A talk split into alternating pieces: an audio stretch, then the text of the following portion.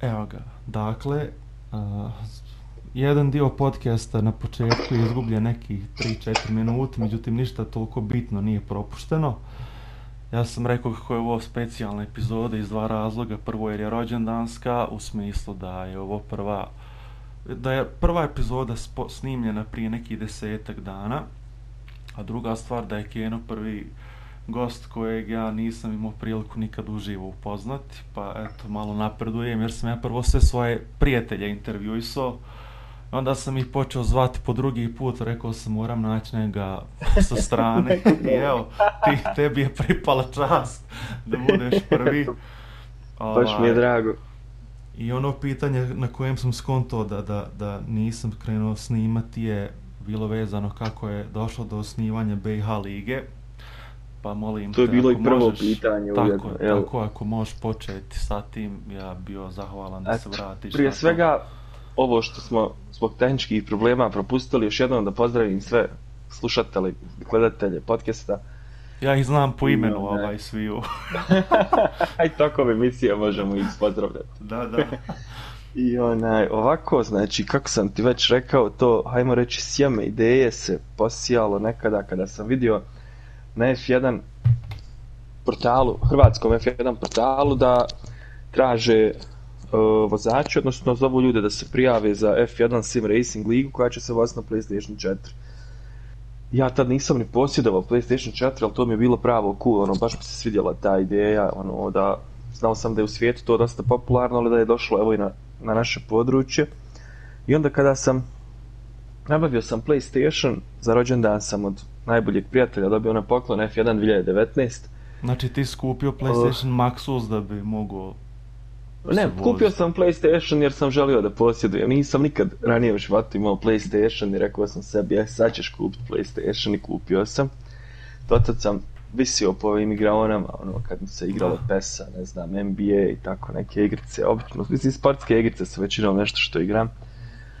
A ljubitelj Formule 1 sam ono od malih nogu. Prvi sport za koji sam saznao i koji sam počeo da pratim bio je bila je Formula 1 i tako da je ta ideja nekako došla sa više strana. Počeo sam voziti F1 2019, postalo mi je jako dosadno voziti offline lige, ono, nakon dvije, tri sedmice utrkivanja protiv botova postane monotono i repetitivno. Da, da. I sjetio sam se da postoji ta liga u Hrvatskoj, malo sam istraživao i došao sam na ideju da preko F1 Racing bih portala onaj, koje pozdravljam usput urednika i vlasnika Alena uh, koji javio sam mu se zamolio da objavi status na Facebooku postavi moj email i kontakt sa Facebooka da se ljudi uh, prijave prijave I eto tako smo počeli, ti si bio jedan od prvih ovaj, momaka koji su se da, prijavili za ligu.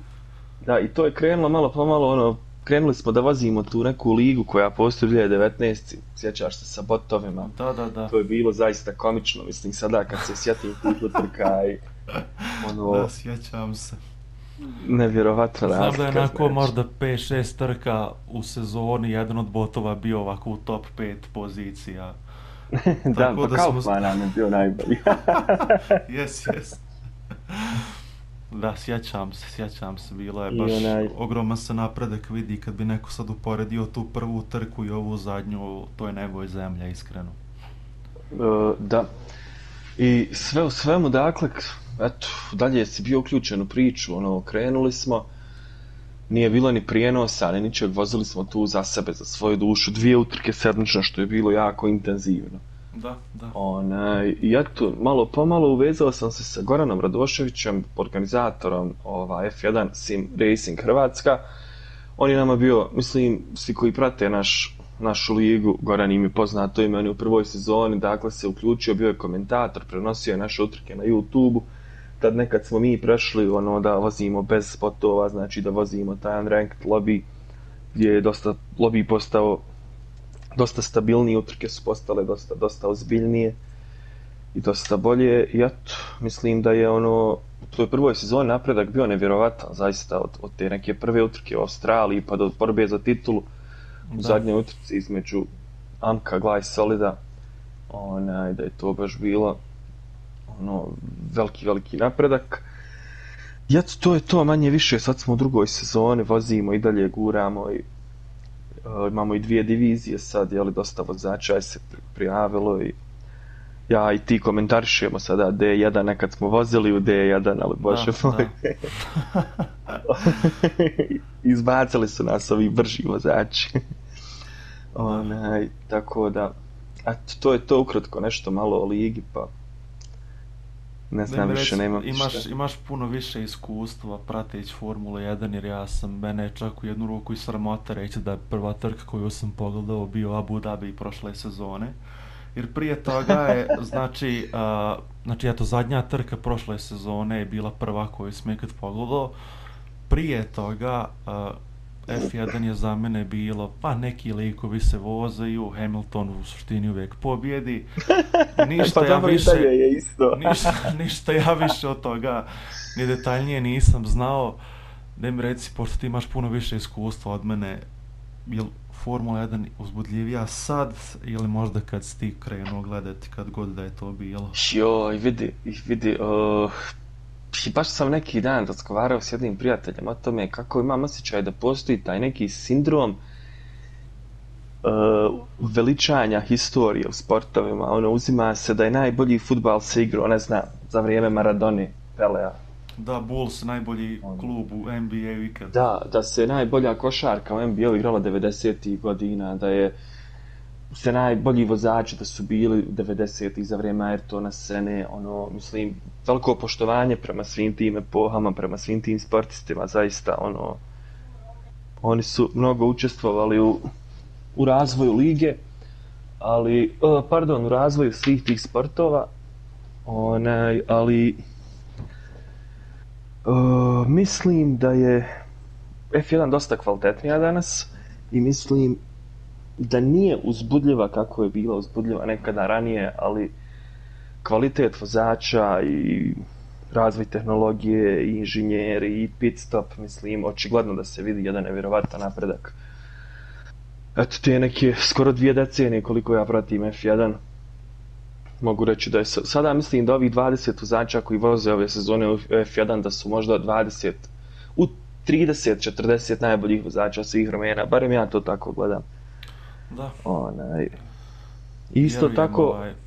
osvrnuo bih se malo na NBA ligu, evo ne znam koliko pratiš košarku, koliko pa, A, pratiš NBA jako ligu. Jako slabo, međutim košarka u sport mi je najdraža stvar ikad ali jednostavno da. nemam vremena da se pogubim se jer toliko je utakmica i čovjek ne stigne popratiti ništa i onda sam je u potpunosti odustao od praćenja košarke. Pa, u biti ja nekako pratim najviše rezultate, hajmo reći termini ovih utakmica u Americi nama baš i ne odgovaraju, nekad se uspije pogledati neki snimak, nekad se sačeka neka utakmica pa se gleda uživo.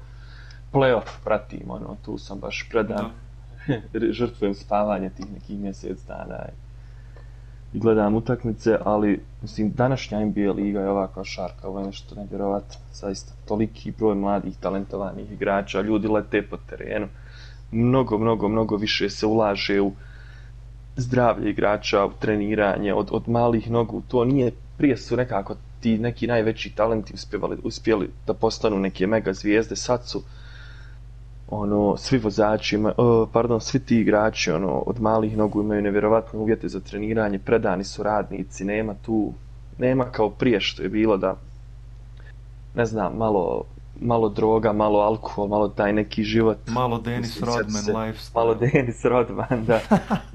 Mora još takvih igrača, Ben Wallace, Rip Hamilton, ne znam. A znaš šta ja A pa mislim da je problem? Da ja bih se složio s tobom u smislu da da znači koji god sport uzmeš u obzir košarku, formule 1, nogomet svi su 100.000 puta bolji igrači nego što su bili ljudi koji su 3-4 generacije stariji od njih ali baš zbog toga što su žrtvovali drogu i Život. taj lifestyle, Aha, nema da. onako ikoničnih ličnosti poput Maradone, James Hunta, uh, Denisa Rodmana, što da. meni u jednu ruku nedostaje, razumiješ?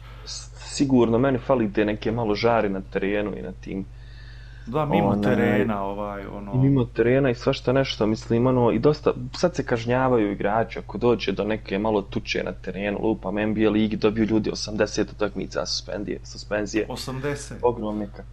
Pa, mislim, najveća kazna, mislim, to je bio malo ekstremni slučaj, ali ako se sjećaš, Indiana, Detroit, neka 2000, kad je to moglo biti treće, četvrte, ne mogu da se sjetim, kad su Ron Artest i onaj, uh, Jermaine O'Neal, ja mislim još par igrača, potukli su se s navijačima na utakmici, znači haos je nastao. Nisam znao za taj incident. Ali to moraš da pogledaš taj snimak, poslaću ti, znači to je ovaj nevjerovatno nešto, zaista, onaj, možemo ga čak i ubaciti ovaj podcast. Pa ljubom, da, što da ne, što da ne, pošto bit će u pozadini.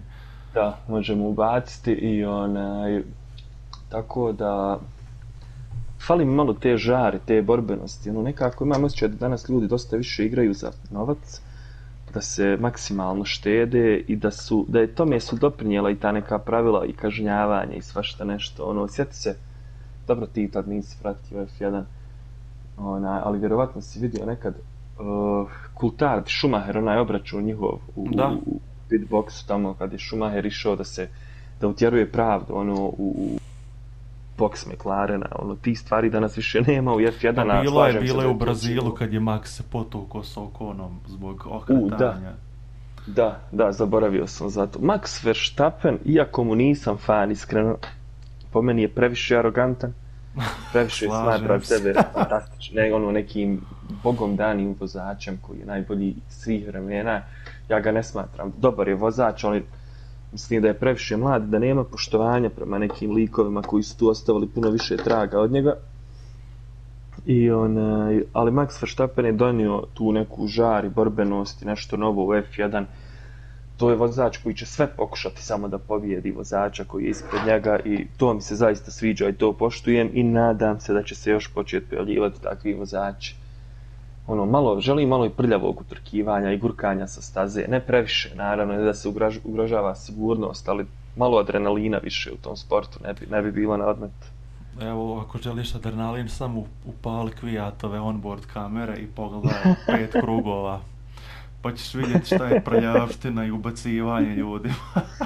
da, ali ja ti misli, nekad i kvijat ne bude kriv, evo vidi ovaj incident sad sa Romanom Gružanom i Strolom ja iskreno smatram da ni, za prvi incident definitivno nije kriv. Slažem se. A i ovo što je dobio kaznu sa strolom mi je besmisleno.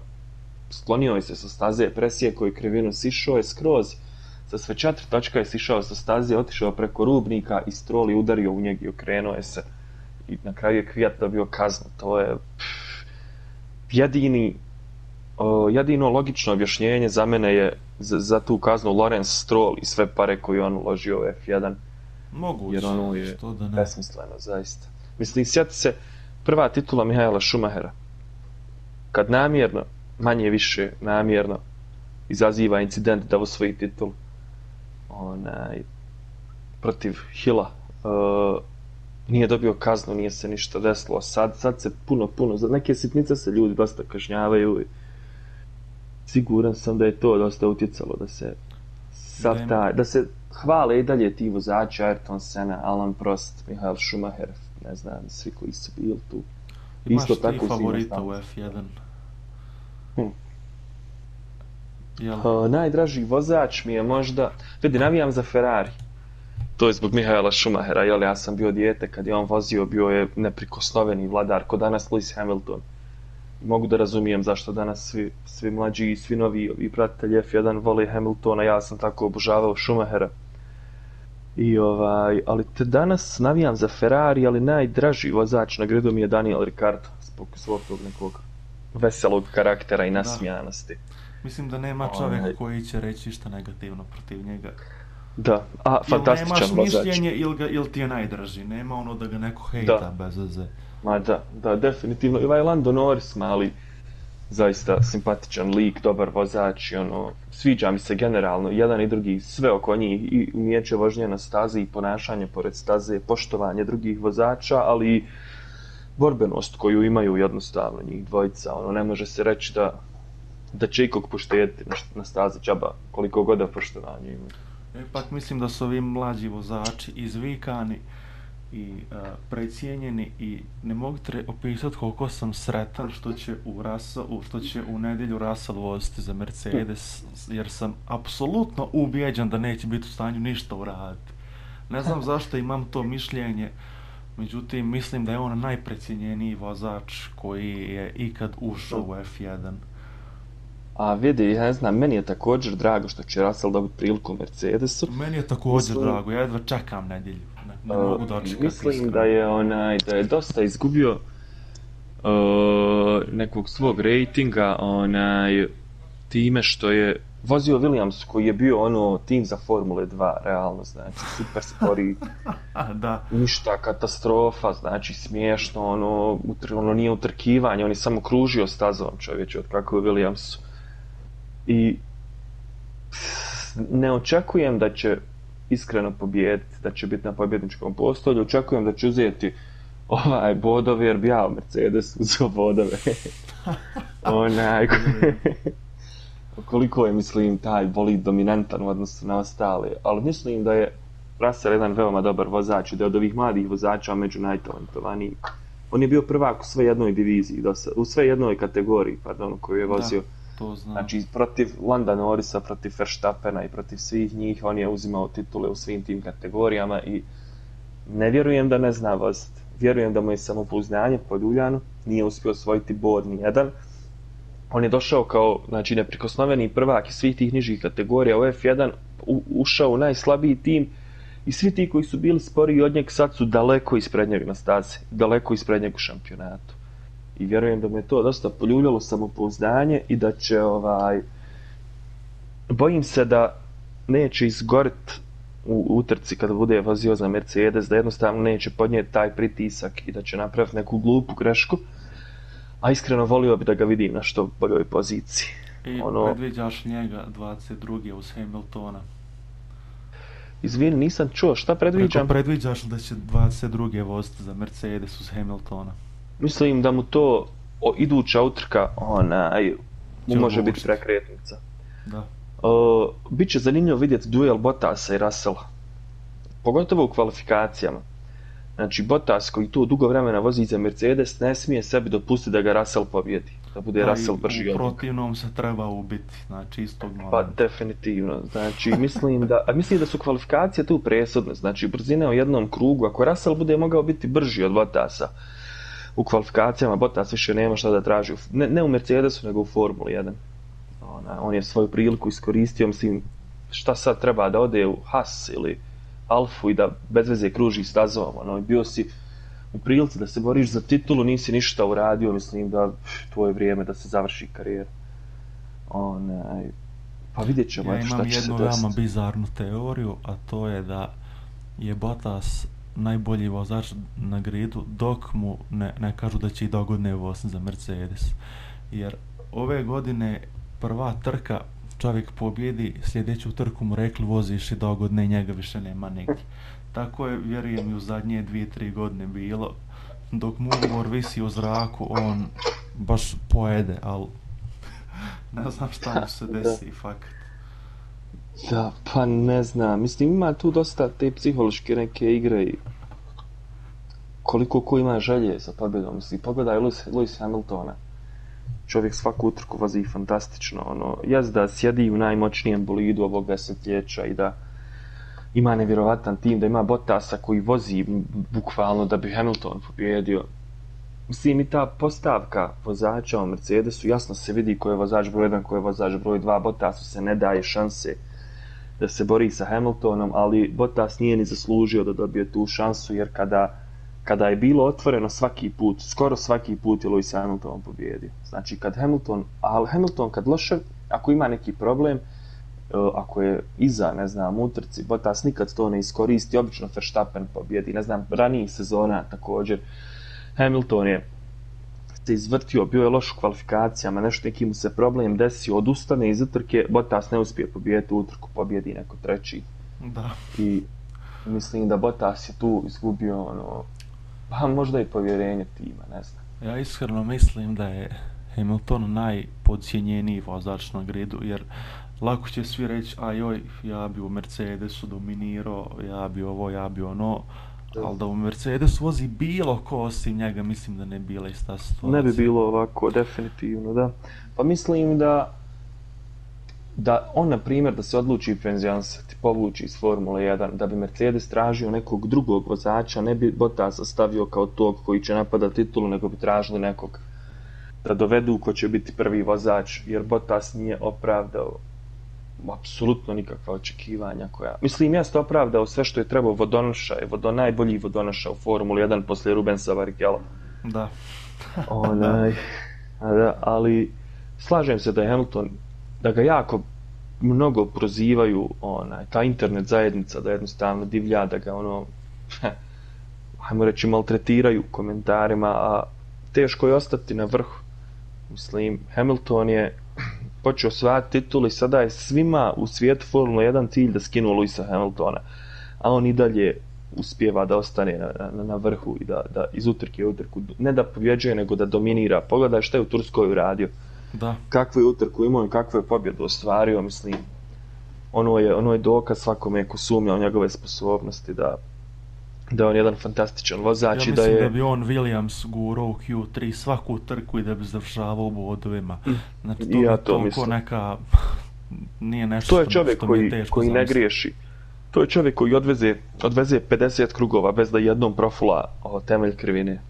Da. Znači, da mu pobjegne zadnji kraj. Znači, savršeno vozi i koristi. Uh, puni maksimalni potencijal bolida koristi, znači koliko brzo može ići Mercedes, on ide brzo toliko s Mercedesom. On ide još brzo. Ja, da, ja mu nisam fan, ja jedva ne, čekam ja, ja, da vidim ja, ja, se da, zoru, da, da izgubi. Znači, ono, radovao sam se svaki put kad on ima neki problem, ali samo zato da, dobijem, da dobijemo neku utrku, da dobijemo neko drugo uzbuđenje, jer je dosadno postalo gledati Hamiltona kako iz utrke utrku pobjeđuje. Ono. Evo sad ćemo, na primjer, imati dobru utrku, vjerovatno u Bahreinu, zato što njeg neće biti na gridu i tu će, mislim sad je Verstappen prvi favorit po meni, ali mislim da će tu biti sad, da će svi pokušati da ostvare pobjedu, jer ono, dođe Lewis Hamilton i niko se ni ne nada pobjedu. Da, i svi se bore za drugo mjesto.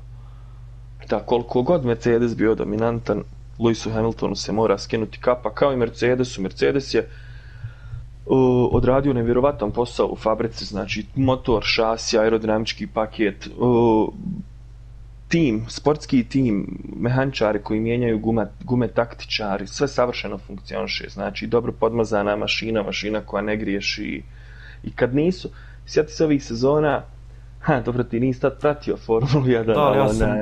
učio retroaktivno, sam upućen u jako puno toga. da, kad je, u jednom momentu je Ferrari bio brži od Mercedesa. Znači, Misliš prije na nego prošlu što će imati... sezonu?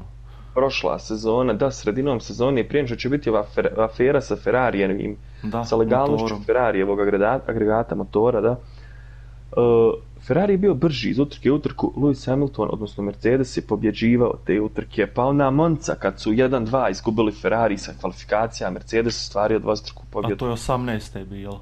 Da, da, prije dvije sezone, Aha, mislim. Okay jednostavno i kad, su, kad, je, kad, kad nisu najbrži na stazi pobjeđuju zato što donose dobre odluke, zato što iskor, ono, koriste puni potencijal toga što imaju i to im je donijelo ovaj uspjeh. I ja, ja se nadam da će se to početi malo mijenjati, barem sa ovim novim pravilima od 2022. godine. Ja mislim da dosta će ljudi skočiti reći, ja o Mercedes je razlog zašto je F1 dosadne. Mislim da su drugi timovi razlog drugi. zašto je dosadno. Da. Mislim da je prije svega problem. Ferrari najveći krivac zašto je Formula 1 dosadna. Ferrari duže od 10 godina ne može da napravi dobar bolid. Mislim, imao je dobar bolid par puta, ali onda idu greške u boksu, u taktici, u vozačke greške, sjeti se onog izletanja uh, Sebastiana Fetela u Njemačkoj po kiši prvog mjesta ima, ima laganu pobjedu, da i on iz, izleti sa staze. I nakon mislim, toga je krenulo na izbrdo. Da, da, nakon toga je krenulo izbrdo i mislim da je Ferrari, onda je Ferrari počeo eksperimentisati dovođenjem cestovnih inženjera u Formulu 1. Znači, ljudi koji su pravili cestovna auta, došli su tu da razvijaju formulu, mislim. To je potpuno drugi pristup razvoju automobila i Formule 1, i bolida Formule 1. I mislim da je čak i Ariva, uh, Ariva Bene govorio o tome da je da je to bila greška u biti sada, sada što rade da moraš jednostavno dovoditi iskusne inženjere ako želiš da napraviš neki dobar paket i Ferrari je se to odbilo od glava, ali evo vidjet ćemo. Gdje si nestao čovječ?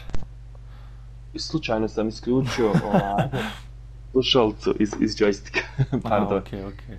Ona, uglavnom, eto, Ferrari ima mladi tim sad, pa vidjet ćemo šta će uspjeti da uradi kroz kroz Reci naredne Reci šta edukacije. predviđaš, ko će dogodne voziti uz Maxa u Red Bullu? Ja se nadam da će biti Perez. Bila bi zaista šteta da ostane ima bez Pereza na grid. Oni po mene među... Sigurno je u top 8 ili top 10 hmm. vozača na gridu, a onda ostane sada bez mjesta u Formulu 1. To bi zaista bila ono tužan dan za utrkivanje iz F1. A, još bila gora Još će, mislim, ako Red Bull ostavi Albon, onda su oni retardiran tim. Ja jedino to tako mogu pa, protumačiti. Šteta je iskreno, i što će, ako Albon ostane bez mjesta, ja mislim da je Albon dobar vozač. Ja bih volio da vidim proširenje grida. Nekad smo imali 22 bolida na gridu, 11 timova. Volio bi da se tu pojavi još jedan tim i da se ponovo proširi tako da ti svi vozači dobiju priliku da se utrkuju jedan protiv drugih. Da, ali pravila su takva da se to ne isplati nikome. Šta? Da. Rekao, da, pravila, zna. mislim, preskupo je ime. Da. da, ali mislim da bi to bilo dobro za ligu i da bi liga mogla tu da, ne znam, da vrate nekoga koji je nekada bio dobar u Formuli 1. Mislim, znači, BMW, Benetton opet. Šta? Benetton opet. Benetton, ma ne, mislim, na primjer, BMW kao proizvođač motora da se vrati. Onaj, možda čak i kao tim. Ja mislim da bi, volio bi, volio bi vidjeti te neke velike cest, e, proizvođače cestovnih automobila, kako će se... Evo, Aston Martin sad dolazi u Formulu 1, jedva čekam da vidim kako će to izgledati. Da, bit će zeleni Mercedes, ja vjerujem. Ovaj...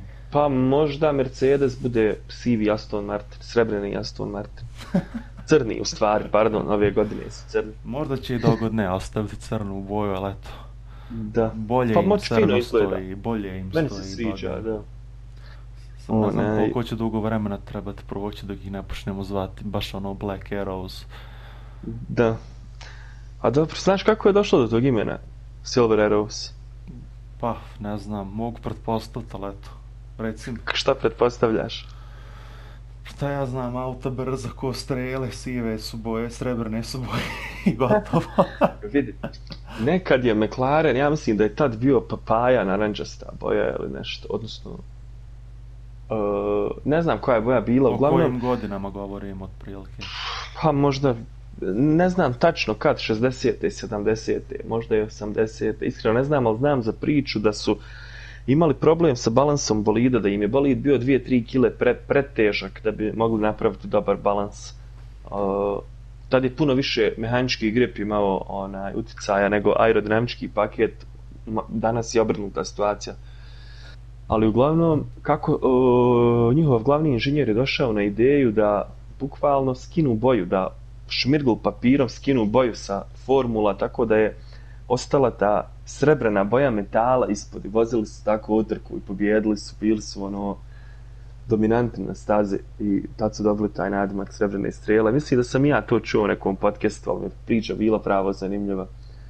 Onaj, jedno takvo jednostavno rješenje da im je donijelo, donijelo neki uspjeh. Da, navodno je Niko Rosberg 16. pobjedio jer je skinuo boju s KCG.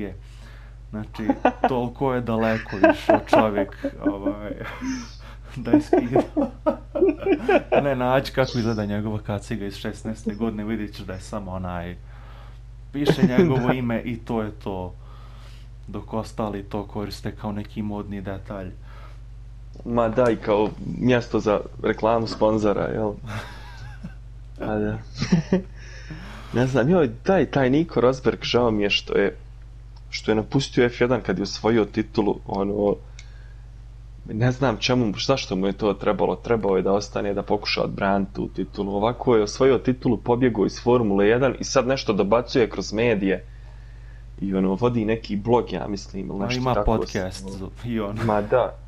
mislim, čovjek je bio svjetski prvak i odlučio se otići u penziju. Ja Jedva si da, pobjedio Lewis Hamiltona. Godine, da je ostao još jednu godinu da bi izgubio, e onda bi išao hate prema njemu da je to bila sreća, a možda i jest.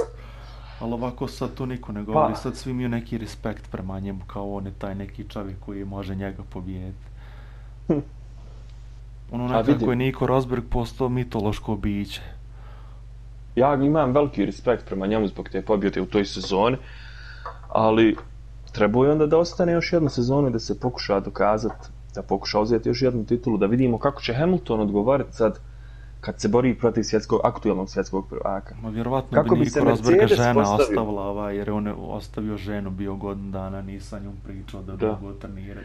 On je se posvetio tome, ja mu zato skidam kapu, mislim da, ok, privatni neki život, privatni razlozi, mislim, mogu sve da razumijem, ali mislim da je šteta za sport što nismo uspjeli vidjeti priliku kako će se Mercedes postaviti sad kad ima i Niku Rosberga kao svjetskog prvaka, kao aktuelnog svjetskog prvaka, kako će se Hamilton ponašati na stazi, kakvi će ti njihovi dueli biti, mislim da bi imali zanimljiviju formu, Formulu 1, barem u toj u tom smislu koji od dva Mercedesova vozača će osvojiti. Slažem, sad znaš da je jedan i gotovo.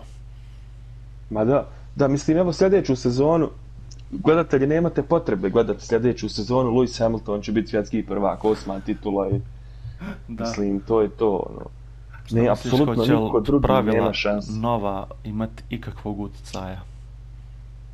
Ili ćemo opet imati dominaciju kao i sada? Pa, to je velika nepoznanica.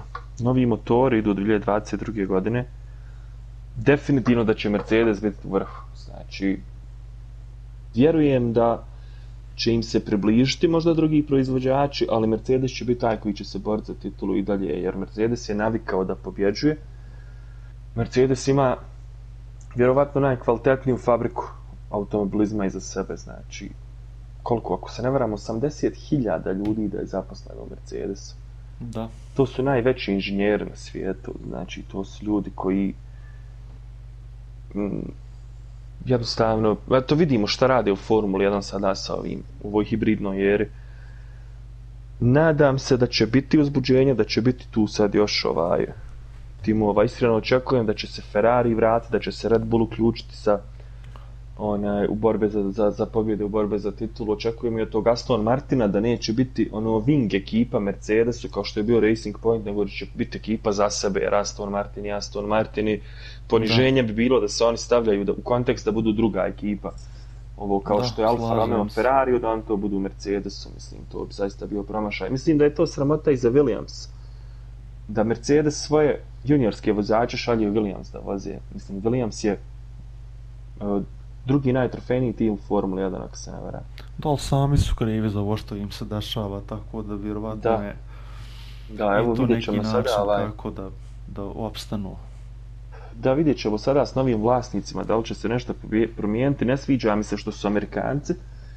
To su ljudi koje vjerovatno sport ne zanima, nego marketing i promocija i zarađivanje novca ali definitivno da će goditi Williamsu da ima malo više sredstava i za testiranje i za razvoj. Pa, da, ako ih puste da sami djeluju, mislim da, da neće biti loše. Negde im sad oni nešto komanduju. Šta misliš o scenariju da Toto Wolff ode u, Merce, u Williams? A, ja mislim da će ona tići u penziju. Mislim, ja mislim da je malo previše mlad za penziju. Pa mislim, kad mislim otići u penziju, mislim povući iz F1 po pa nastavku nekim drugim vodama, jer sumnjam da bi jedan čovjek koji je u prilici da konstantno godinama pobjeđuje pristo na to da ode u neki tim koji ne može ni bod osvojiti. Osim vidiš, ako, je osim ako to neće biti neki challenge da, da, da proba vratiti ljude u midfield, znači ne znam. Da. Ovaj. Pa on, on je vlasnik određenog djela dionica Williamsa ako dobro raspolažem informacijama. I ne bi me iznenadilo da ovdje da pokušao raditi nešto što je uradio Ross Brown kada je napravio svoju ekipu. Mislim, to je preteča današnjeg Mercedesa. Da. Brown GP. Osvojili su titul. Mislim, Ross Brown je genijalac i nevjerovatan inženjer. Ali Toto Wolff bi mogao da krene tim stopama. Toto Wolff je osoba koja donosi nevjerovatnu energiju i mislim da je va jako, jako dobar menadžer i organizator da je veoma za, da je možda zaslužniji od Hamiltona za sve ove titule. Slažem se. Mene je bilo svakako zanimljivo i nadam se da će to destalo opet. Mislim da će oni Hamiltona onda bi u tome slučaju povukao za sobom. Hm. Vjerovatno bi ono garantovo je da lazim u Williams, Williams ne valja ništa, ali ja kad uđem do godine, borimo se za titulu. Ovaj... Ma da, oni su osvojili sve što se može osvojiti, mislim, evo još jednu sezonu, prestignu Mihaela Šumahera, i po broju pobjeda, mislim po broju pobjeda su prestigli, jel? Uh, I po titulama i sve, i hajmo sad pokušat neki svoj projekat, mislim, zašto da ne? Bilo bi zanimljivo za sport, ako ništa. F1 je postala zaista monoton sport u zadnjih godina. Treba nam neka promjena, treba, ne znam, nešto. Ova Liberty Media radi, radila je dobar posao, ali nije uspjela da unese više uzbuđenja na stazu. Pa eto, promjena Treba nam jedina... neki novi Bernie Ecclestone, mladi Bernie. Promjena, predlažem da ljudi prestanu gledati F1, krenu gledati NASCAR, e jer to su najbolje trke koje čovjek može zamisliti. Eventualno još jedna prepoluka je Rally Cross, to znači može da. biti da budeš na ivicama. Upisina znaš ko su ljudi koji strkaju, ali ti sav u tome ono, znaš. Ovaj, da, pa ne pa... znam, F, ali F1 je F1, F1 je men kraljica automata sporta i ja ne mogu da ne pratim te utrke. Ja mislim da ne bilo ni zanimljivo da svi isti, u smislu da svi imaju isti bolid, jer ti ako upališ ne. F2 trku, to je jedan vozić, jedna mala kolonica da. koja se vozi na 30 krugova. I ali eto, to više nije tam... Formula 1. Po meni pa to nije, više ja nije Formula 1. Formula 1 je i najveća ten... Ja bi čak pustio, kako bi rekao, raširio da bi taj hoće. pravilnik. Da. Ne baš šta hoće, ali da bude ako što je prije bilo da ima eksperimentisanja. Sjeti se, a to taj dupli difuzor koji je uveo Brown GP, mislim, to je bila revolucija. Oni su osvojili titulu na ime toga, ali daj malo pusti inženjerima tim nek eksperimentišu, daj da vidimo neka čudna rješenja na bolidima. Ovi sad bolidi izgledaju manje više svisti znači samo druge boje na njima. Malo ima tu razlike u aerodinamici, ali su toliko ograničeni pravilnikom da i nemaju puno prostora za eksperiment i pokušava se dovesti to da su ti bolidi tu negdje, da utrke budu zanimljivije, ali ja mislim da je to pogrešan pristup za Formulu 1, jer uvijek će neki tim, evo kao što je bio Ferrari početkom 2000 tih godina, kao što je bio Red Bull u eri Sebastiana Fetela, kao što je sada Mercedes, jedan tim će uspjeti da uradi nešto dodatno, bit će jednostavno toliko dominantni da će Formula 1 biti dosadna. Pa iskreno, F1 je dosadna od...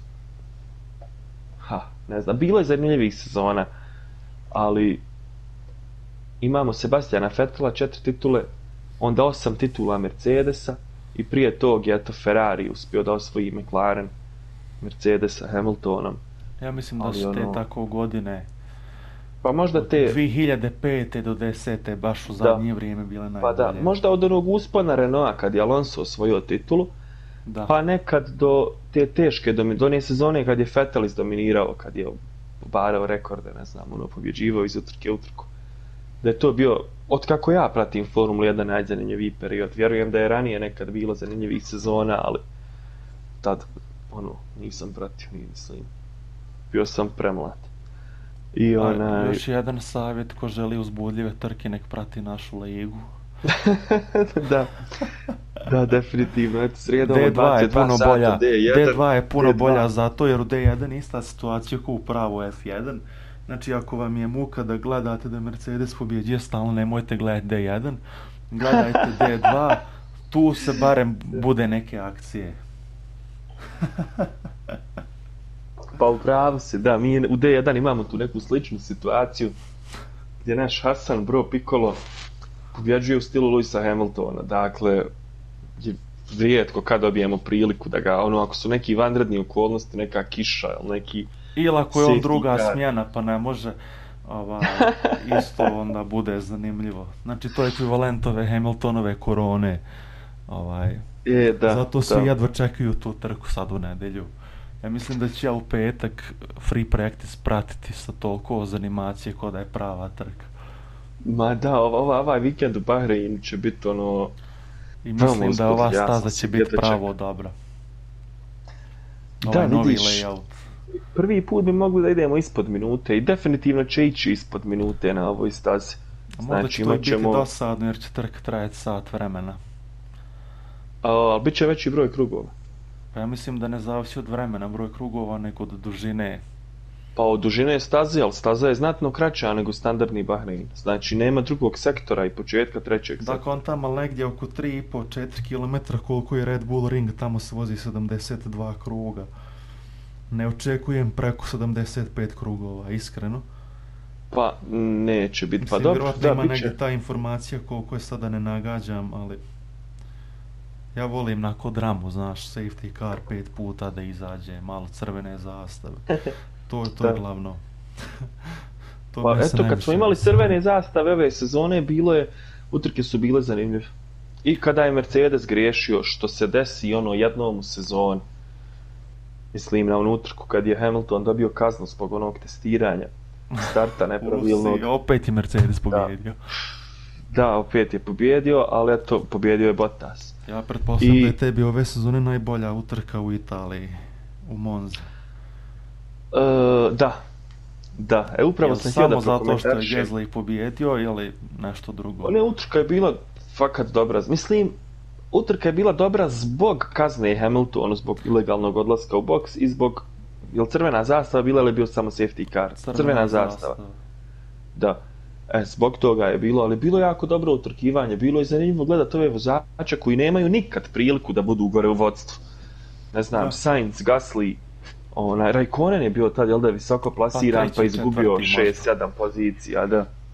Onaj, bilo je zanimljivo to isprotiti, mislim, ono, preznojio sam se gledajući kraj te utrke i to sam poželio. Jesi li navio za Gasly na kraju? Da, da, i baš mi je drago što je stvario pobjedu. Meni bilo podjednako drago je da je Sainz pobjedio. I ali... Ovaj. meni, ali mi je malo, malo draže što je pobjedio ovaj Pierre Gasly. Jer u inat Red Bullu. U inat Red Bullu, da. A i smatram da je Gasly, Gasly jako, jako dobar vazač. I žao ja smatram mi je da je bolji što... od Albona, iskreno pa znaš šta, zato što sad gledaš Formulu 1 kad je Albon u Red Bullu, Gasly je u Alfa Tauriju i Gasly ga pobjeđuje. Ali obrnuta situacija bila kad je Gasly bio u Red Bullu, Albon je bio u Alfa Tauriju, odnosno tad su se zvali uh, Toro Rosso, i Albon je pobjeđivao Gaslija, znači... Ja ne znam, ono... je to drugo auto Red Bull ukletu ili šta se dešava, znači ja mislim da se previše, previše su posvetili, posvetili razvoj bolida, podešavanje postavki bolida, sve su posvetili Verstappenu. Tako da kad dođeš tu kod drugi vozač, mislim da se osjećaju ono kao siroće. Ona, kao Harry Potter, ono, kod, kad odje kod tetka i tetke. Onaj, da jednostavno tim apsolutno ne daje tebi nikakve tu privilegije, nemaš nikakve šanse. A da se razumijemo, i jedan i drugi svojim vožnjama nisu opravdali mjesto u Red Bullu. Što Oni misliš, opet hoće li biti drugačija situacija ako Perez ode u Red Bull? Mislim da hoće. Mislim da hoće. Perez je dosta iskusan, dosta dobar vozač. I mislim da Perez može da podnese to da bude drugi vozač tim. A da dobro vozi. Ja mislim da će znači biti situacija će... gdje će on i kvalificirati se bolje od Maxa i biti u utarci ispred njega ne često, vjerujem da će se to u sezoni desiti možda dva, tri puta. Ni, nije da, mi to ali, teško zamisliti nikako. Mislim da, da se neće dešava da ga Verstappen obiđe za čitav krug na utrci. To definitivno. Znači, mislim da će... Biće Perez možda u 10-15 sekundi uvijek. Ma da, vidi, mislim da će, ako bude ovakav, ovakva konstelacija snaga, da imamo tri tima koja su, na, sad imamo dva tima, ali evo, dok ako bude Red Bull, Mercedes, Ferrari, uh, i ako bude tu Perez, znači da će Perez u 90% utrka biti tu u prvi šest pozicije. Da, Jer slažem. biti šesti, ako bude, ako bude mogao biti svaku trku šesti, to će biti dobar angažman u Red Bullu. Da. A ne ovo što radi Albon, Albon se jedva, ono, jedva se izbori za 1, 2, 3, 4 boda koliko osvoji. Ono, muči se tamo protiv bolida koji su znatno sporiji od njega, mislim. Ne razumijem, zaista. Ali. Ja I... mislim, ja nikad neću prežaliti to što je Daniel Ricardo otišao iz Red Bulla, jer taj čovjek je, pa joj, nešto drugo. Da. Ja, ja, ja mislim, sad je sa Renaultom odradio pravo dobar posao, malo mi je žao što ide iz Renaulta. Bilo bi lijepo vidjeti, na primjer, Alonso i Ricarda kako voze zajedno. Mada Alonso je karakterom potpuno drugačiji vozač od Danija Ricarda. I sad, kako bi to izgledalo unutar tima, to je upitno, Okon će se sigurno onaj prista da bude drugi vozač i da bude vodonoša, Ricardo to ne bi bio.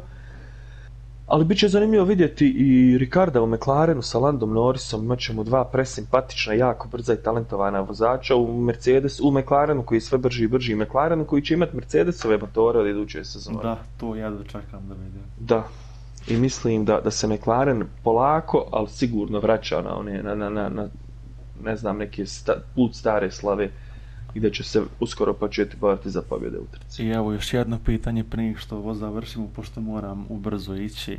Sainz o Ferrariju. Šta predviđaš od njega? Iskreno ništa. Što očekuješ? Ništa. Ozbiljno. Ništa. Zašto? Ozbiljno. Hoće li biti pa, gori od mislim, Fetala? Mislim... Neće biti gori od Fetala. Mislim... Će li biti isti? Po meni je Fetal... Po meni je Fetal bolji vozač. Biće bolji od Fetala. Eh, što se tiče rezulta ove sezone rezultata Ferrarija. Ali Vettel je bolji vozač po meni i od Leclerca i od Sainca.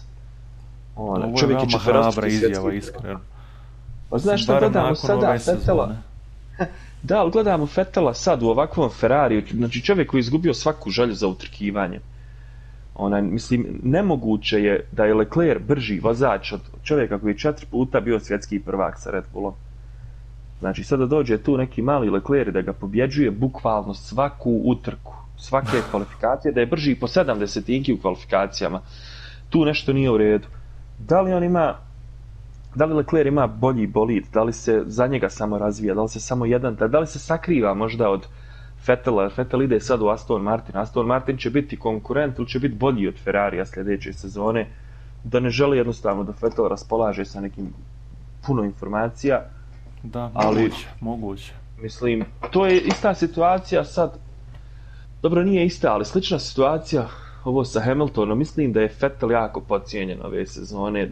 Možda se očekivalo se od njeg da će se boriti, da će uzeti titulu sa Ferrarijem, nije uspio, kao što i Fernando Alonso nije uspio.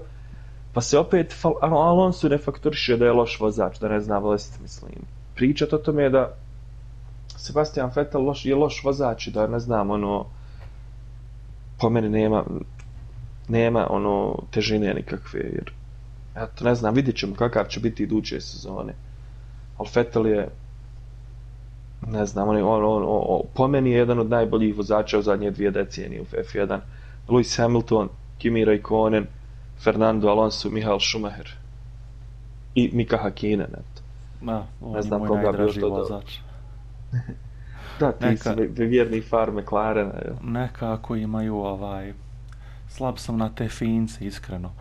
Skandinavci da. općento, meni je Botas jako drag momak, onako kao ličnost. Volim I meni je, da. Nekakvu njihovu hladnoću, znaš, ono, no dvije, tri riječi, intervju, idemo dalje, on nemaju nekako živaca, ni za što drugo, ovaj, što ja onako cijenim kod njih, pa mi je simpatično vidjet. Mislim, najsmiješniji videi su Rajkonenove i radio komunikacije sa timom, to je smiješnije nek bilo kakva komedija koja se da. može pogledati. Da, da, da. da, ali da. Fernando Alonso je sličan. Da. Jedva čekam da se radi Fernando Alonso, to je tema koju se nismo dotakili. Šta očekuješ ti od Fernando Alonso i buduće sezone? A... Če li biti bolji od Okona? Ja bi bio bolji od Okona. ovaj, na njega ne mogu smisliti nikako. Ne znam zašto sada me pitaš zašto ne bih mogao reći. Možda zato što sam fan Maxa, on ga je okrenuo onako iz vodstva u Brazil, pa mu ja to ne mogu prostiti.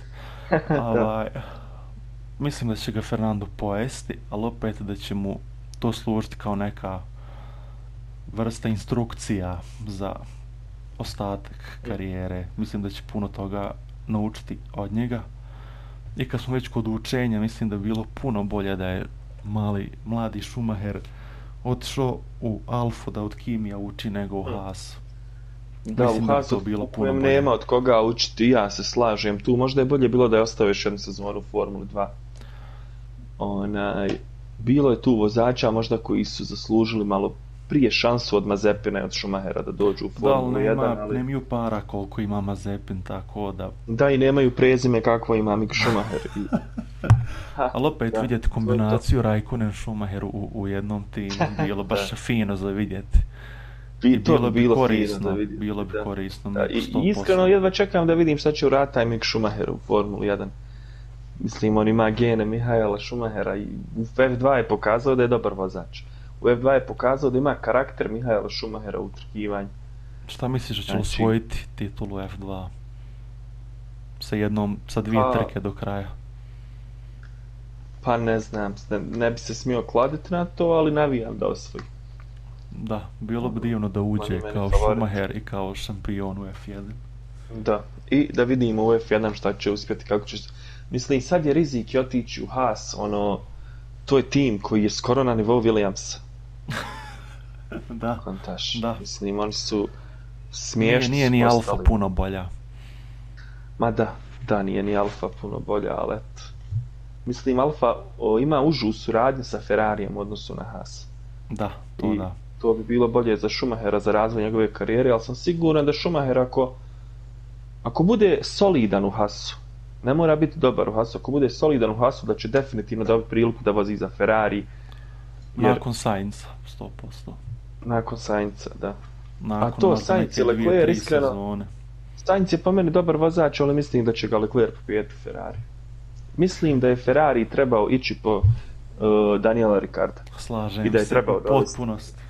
U potpunosti. Znači, ja sam toliko navijao za taj, za taj transfer da Daniel Ricardo dođe u Ferrari i da vidimo šta može tu da uradi. Mislim da bi on jako utjecao na atmosferu u timu, i da bi utjecao na razvoj bolida. Mislim da je Daniel Ricardo vozač koji daje dobre podatke timu za dalji razvoj bolida. Ali eto, vidjet ćemo, ne znam. Neki pametniji ljudi od nas tu donosili odluke. Definitivno.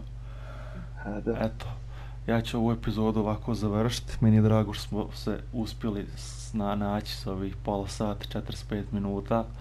Jer smo se ganjali zadnja dva, tri dana, mogu, ne mogu, radim, ne radim i tako Ma to. da, kraj godine je ono, ne znam, da, meni je znam. jako napeto na poslu, da, i dosta privatnih nekih obaveza, obaveza oko lige, teško je sve stići. Da, Ona, et, kad smo već kod lige, liga će ubrzo dobiti da. svoj poseban podcast, gdje ćemo da. prvu epizodu također ja i Keno snimiti, pa ćemo onda dalje vidjeti hoće li nam se neko pridružiti ili ne. Nadam se da ćemo i to pa, uspjeti ubrzo organizirati da snimimo. Da. Ovaj... Vidi, dovatit ćemo goste, sigurno će tu biti neki gosti iz regije, ona, iz ove Hrvatske Sim Racing Lige, ja planiram sa Goranom da odradimo intervju, ali podcast ćemo ja i ti raditi zajedno, nekada skupa, nekad pojedinačno, uglavnom, to će da ide ona, veoma brzo i jedva čekam iskreno da prođem ovaj podcast, mi jako brzo prošao, mislim da ima dosta tema koji, koji se nismo stigli do takijeti, Ej, pa ja sam otvoren za neki drugi dio. Samo te moram upozoriti, a inače izdvojim svake ovaj, teme, posebno stavim na YouTube sa veoma da. clickbait naslovima. Tako da se ne, nemoj iznenaditi. to ovaj, si mi ovaj, trebao reći prije. Nadam se da imaš razumijevanje. Nema veze, ima ću Ali se ne, ne pretjerujem, ja nikada ima, ima ukusa, vjerujem. Da, da, da, ma vjerujem. Eto. A eto, nadam se da ćemo nastaviti ove podcaste u dobrom nekom tonu da radimo.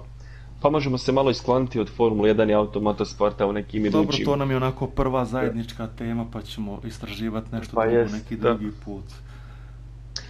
Da, da, eto, ništa, meni je bilo veoma drago, pozdravljam gledatelje, pozivam sve koji, onaj, koji nas gledaju i prate da prate i F1 Sim Racing Big Ligu. Tako je. Zapratite nas na Facebook page na Instagramu, na YouTube-u, gledajte utrke, mislim, kogod je fan utrkivanja, sigurno će mu se ovo svidjeti. Ona, uključite se tu u komentar Sanje, zajedno sa mnom i sa Emirom u D1 ligi. Pišite nam na streamu, prijavite se ako želite probati i da vozite. Ja Tako je. Eto, ja sad odjavljujem ovo, hvala na gledanju, slušanju. Podcast je dostupan na YouTube-u, Spotify, svim tim streaming, stra, streaming strancama. Streaming strancama ja ih ne znam ni pobrojati, ali ovaj, uvijek se ima način slušati ovo, tako da hvala, unapred i doviđenja.